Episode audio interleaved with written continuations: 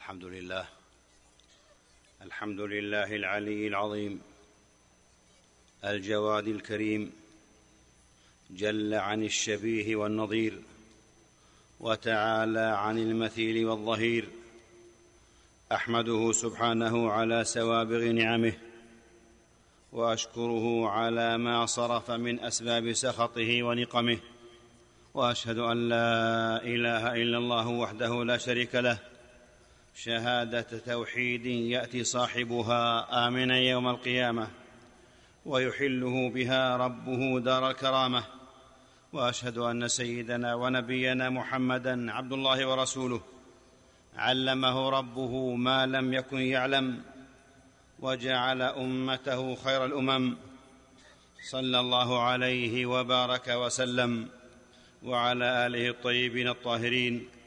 نالوا بهذا الدين عزا وسلطانا وعلى أصحابه الغر الميامين كانوا على الحق والخير إخوانا وأعوانا والتابعين ومن تبعهم بإحسان ممن ذكروا بآيات ربهم ممن إذا ذكروا بآيات ربهم زادتهم إيمانا ولم يخروا عليها صما وعميانا وسلم تسليما كثيرا.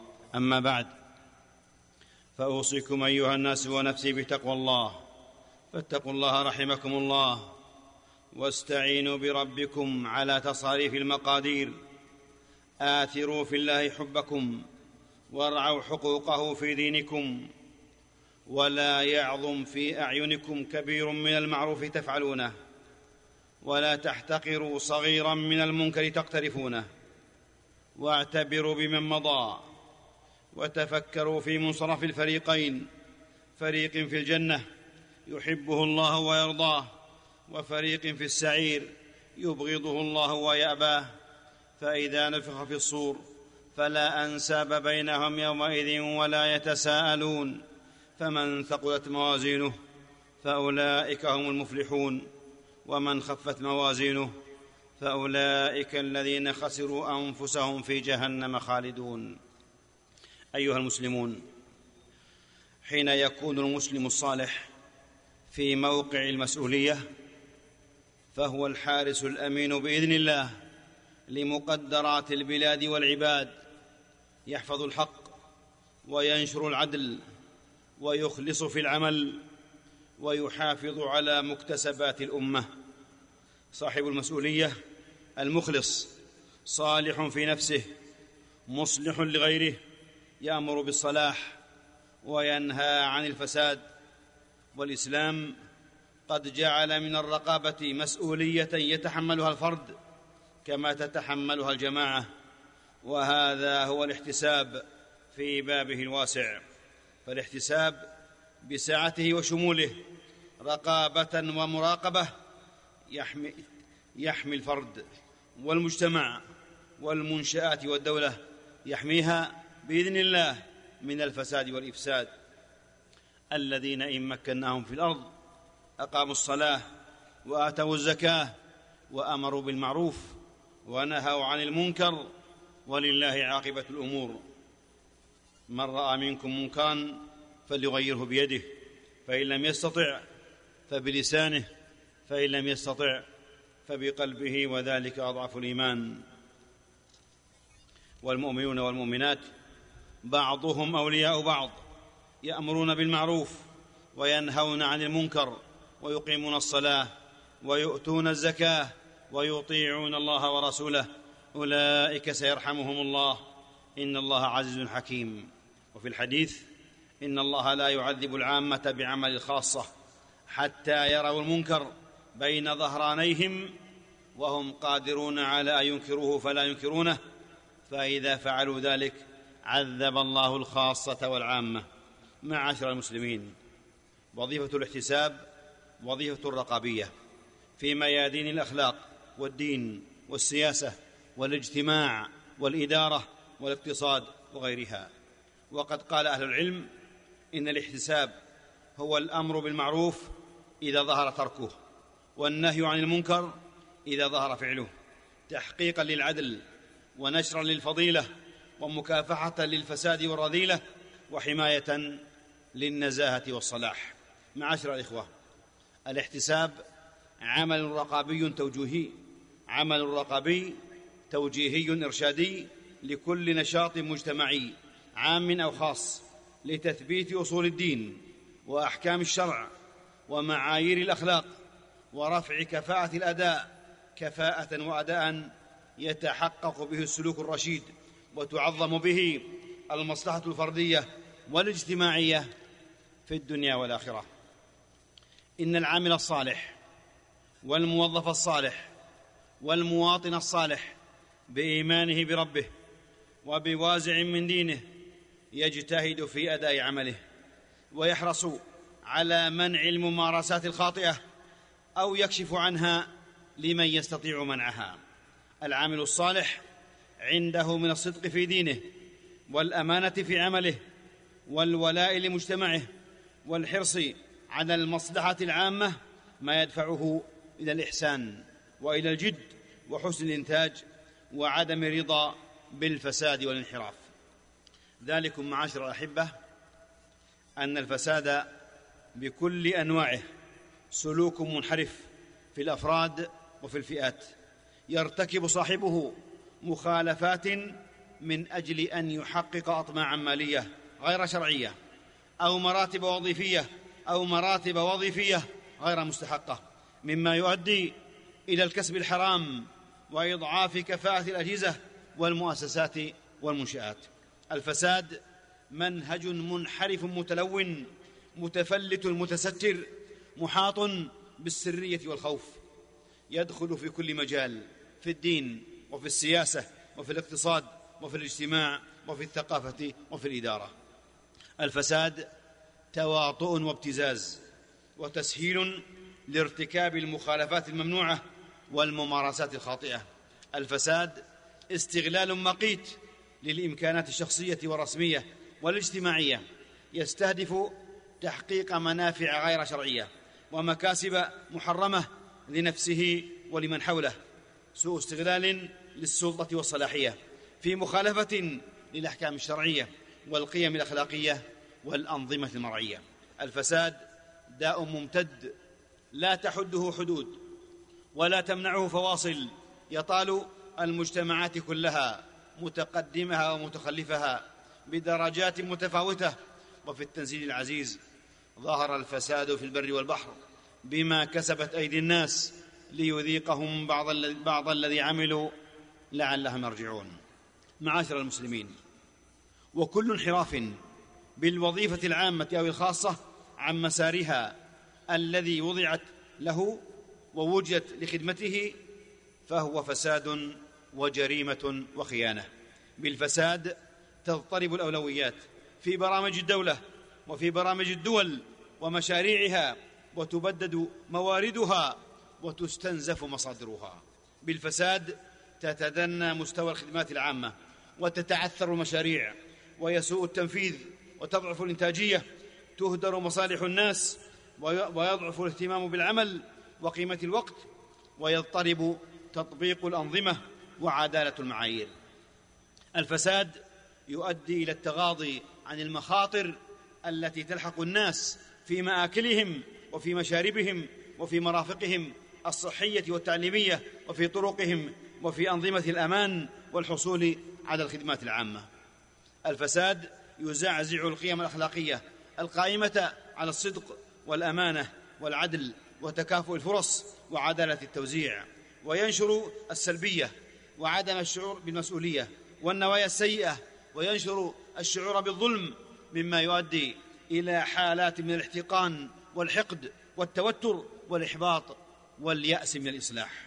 الفساد يجعل المصالح الشخصية تتحكم في القرارات ويضعف الولاء الصادق للحق وللأمة وللدولة. ويعزز العصبية المذمومة مذهبية أو قبلية أو حزبية.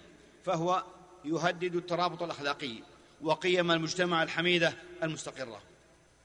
الفساد يولد مشكلات خطيرة على استقرار المجتمعات وأمنها وقيمها الأخلاقية وسيادة الأنظمة.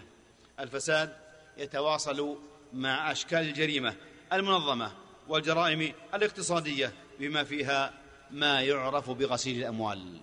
الفساد يعيق تطبيق الخطط الصحيحة والسياسات الإيجابية. يعيق تطبيق الخطط الصحيحة والسياسات الإيجابية كما يعرقل جهود التغيير نحو الأفضل. بل إنه يقوض الدول والمؤسسات ويبعثر الثروات وينخر في الإدارات ويتناسب طردا مع الانحرافات والمنكرات والأمراض المجتمعية والأخلاقية.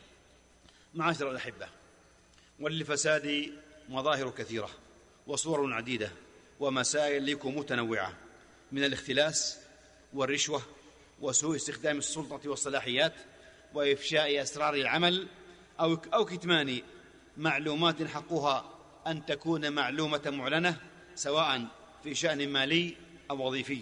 والتزوير والعبث بالوثائق والمستندات والقرارات وعدم احترام العمل وأوقات الدوام حضورا أو انصرافا وضعف الإنجاز والتشاغل أثناء العمل بقراءات خارجية أو استقبال من لا علاقة لهم بالعمل والبحث عن منافذ وأعذار والتهرب من تنفيذ الأنظمة.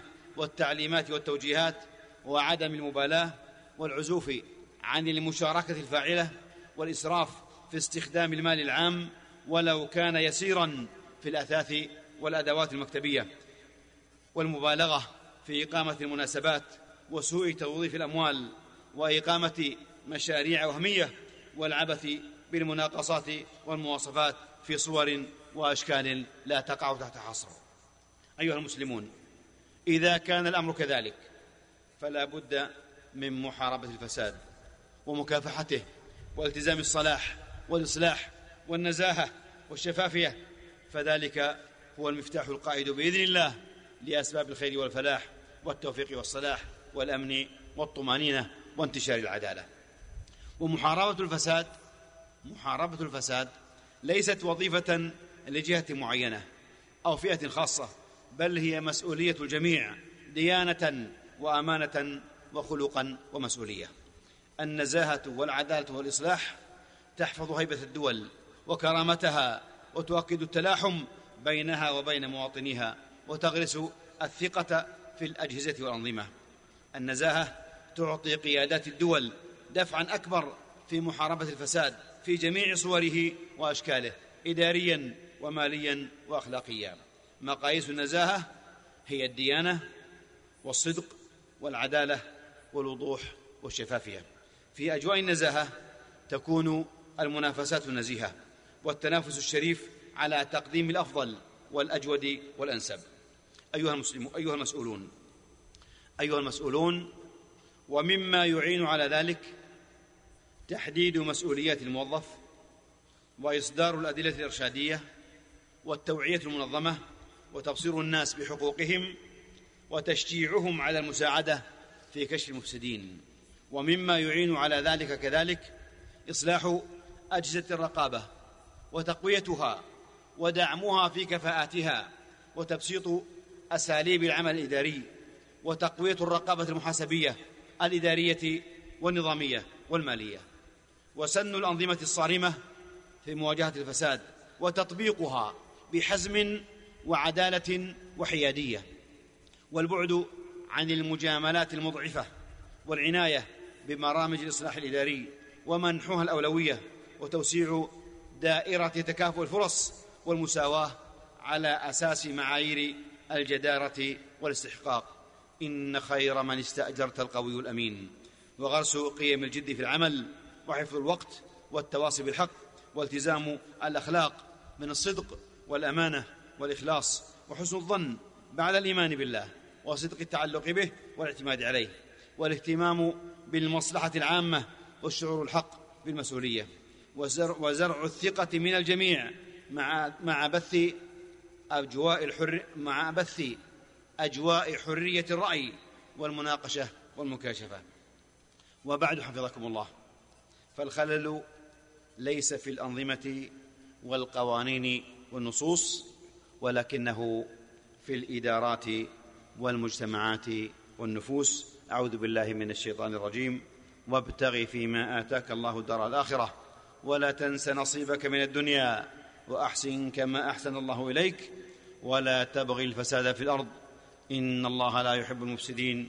نفعني الله وإياكم بالقرآن العظيم وبهدي محمد صلى الله عليه وسلم. وأقول قولي هذا وأستغفر الله لي ولكم ولسائر المسلمين من كل ذنب وخطيئة. فاستغفروه إنه هو الغفور الرحيم. الحمد لله. الحمد لله المتفرد بكمال الذات وجميل الصفات. لا إله إلا هو وسع سمعه, سمعه جميع الأصوات. أحمده سبحانه وأشكره على سوابغ نعمه المتواليات وأشهد أن لا إله إلا الله وحده لا شريك له. شهادة تبلغ تبلغ من رضوانه أعلى الدرجات من الجنات. وأشهد أن سيدنا ونبينا محمدا عبد الله ورسوله الهادي إلى الحق والمنقذ بإذن ربه من الضلالات. الهادي إلى الحق والمنقذ بإذن ربه من الضلالات. صلى الله وسلم وبارك عليه. وعلى آله وأصحابه أولي, الفضل أولي الفضائل والمكرمات والتابعين ومن تبعهم بإحسان ما دامت الأرض والسماوات وسلم تسليما كثيرا إلى يوم الدين. أما بعد أيها المسلمون في حماية نزاهة وأهلها ومحاربة الفساد ومكافحة المفسدين ليس الهدف محصورا في البحث عن المذنبين والفاسدين بل يضم إلى ذلك ويتوازى بل يضم إلى ذلك ويتوازى إيجاد وعي فعال بحجم الأضرار الناجمة عن الفساد وهي أضرار دينية وسياسية ومالية وإدارية وأمنية وثقافية. واجتماعية في برامج إصلاح شاملة وتعاون من الأجهزة كلها العامة والخاصة ومشاركة المجتمع بكل مؤسساته وإعطاء الفرص للاستماع إلى آراء العاملين وملاحظاتهم ومقترحاتهم وشكاواهم ومناقشاتهم. وفي هذا الباب وفي هذا الباب للإعلام دوره الفعال في نشر الوعي الصحيح والمعلومات والحقائق في تثبت وتحر وحيادية ووقار وعدم التسرع في توجيه الاتهام للأفراد أو الجهات مع الثناء على من يستحق الثناء والإشادة بالصالحين والشرفاء وأصحاب الأداء الحسن والإيجابية في العمل وهم كثير في بلاد المسلمين ولله الحمد والحفاظ على العلاقات الطيبة والإيجابية بين زملاء العمل والتعاون فيما بينهم وتجنب تصيد الأخطاء وتتبعها وتغليب حسن الظن. ألا فاتقوا الله رحمكم الله. وأصلحوا واعملوا صالحا. ولا تفسدوا في الأرض بعد إصلاحها. وادعوه خوفا وطمعا. إن رحمة الله قريب من المحسنين. هذا وصلوا وسلموا على الرحمة المهداة والنعمة المسداة. نبيكم محمد رسول الله. فقد أمركم بذلك ربكم في محكم, في محكم تنزيله. فقال وهو الصادق في قيله.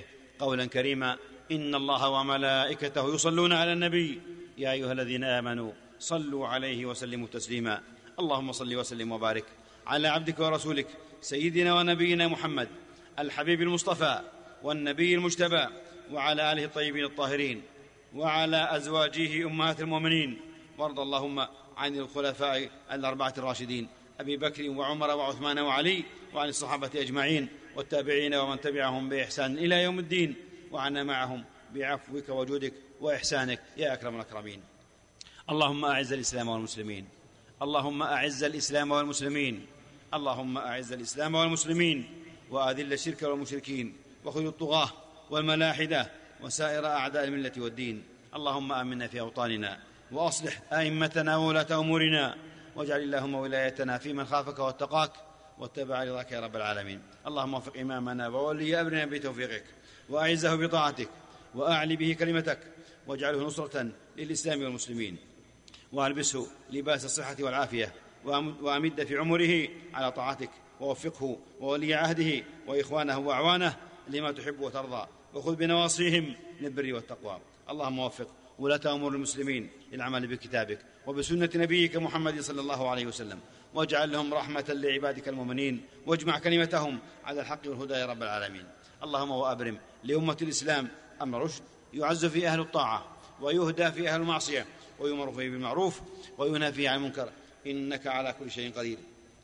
اللهم احفظ إخواننا اللهم احفظ إخواننا في سوريا اللهم اجمع كلمتهم واحقن دماءهم اللهم اشف مريضهم وارحم ميتهم واو شريدهم اللهم اجمع كلمتهم واصلح أحوالهم اللهم اجعل لهم من كل هم فرجا ومن كل ضيق مخرجا ومن كل بلاء عافية اللهم انصرهم على عدوك وعدوهم الله اللهم عليك بالطغاة الظلمة في سوريا اللهم إنهم قد طغوا وبغوا وآذوا وأفسدوا وأسرفوا في القتل والطغيان اللهم عليك بهم فإنهم لا يعجزونك اللهم افرق جمعهم وشتت شملهم واجعل الدائرة عليهم يا قوي يا عزيز. اللهم عليك باليهود الغاصبين المحتلين اللهم عليك باليهود الغاصبين المحتلين فإنهم لا يعجزونك. اللهم وأنزل بهم بأسك الذي لا يرد عن القوم المجرمين. اللهم إنا ندرأ بك في نحورهم ونعوذ بك من شرورهم. اللهم أنت الله لا إله إلا أنت. اللهم أنت الله لا إله إلا أنت. أنت الغني ونحن الفقراء. اللهم أغثنا. اللهم أغثنا. اللهم أغثنا. اللهم أنزل الغيث. أنزل علينا الغيث. ولا تجعلنا من القانطين. اللهم إنا نستغفرك. إنك كنت غفارا. فأرسل السماء علينا مدرارا. واجعل ما أنزلته قوة لنا على طاعتك وبلاغا إلى حين. اللهم إنا خلق من خلقك فلا تمنع عنا بذنوبنا فضلك. اللهم واجعل ما أنزلته عونا لنا على طاعتك. على الله توكلنا. ربنا لا تجعلنا فتنة للقوم الظالمين. ربنا آتنا في الدنيا حسنة وفي الآخرة حسنة وقنا عذاب النار. عباد الله إن الله يأمر بالعدل والإحسان وإيتاء ذي القربى وينهى عن الفحشاء والمنكر والبغي. يعظكم لعلكم تذكرون. فاذكروا الله يذكركم واشكروه على نعمه يزدكم ولذكر الله أكبر. والله يعلم ما تصنعون.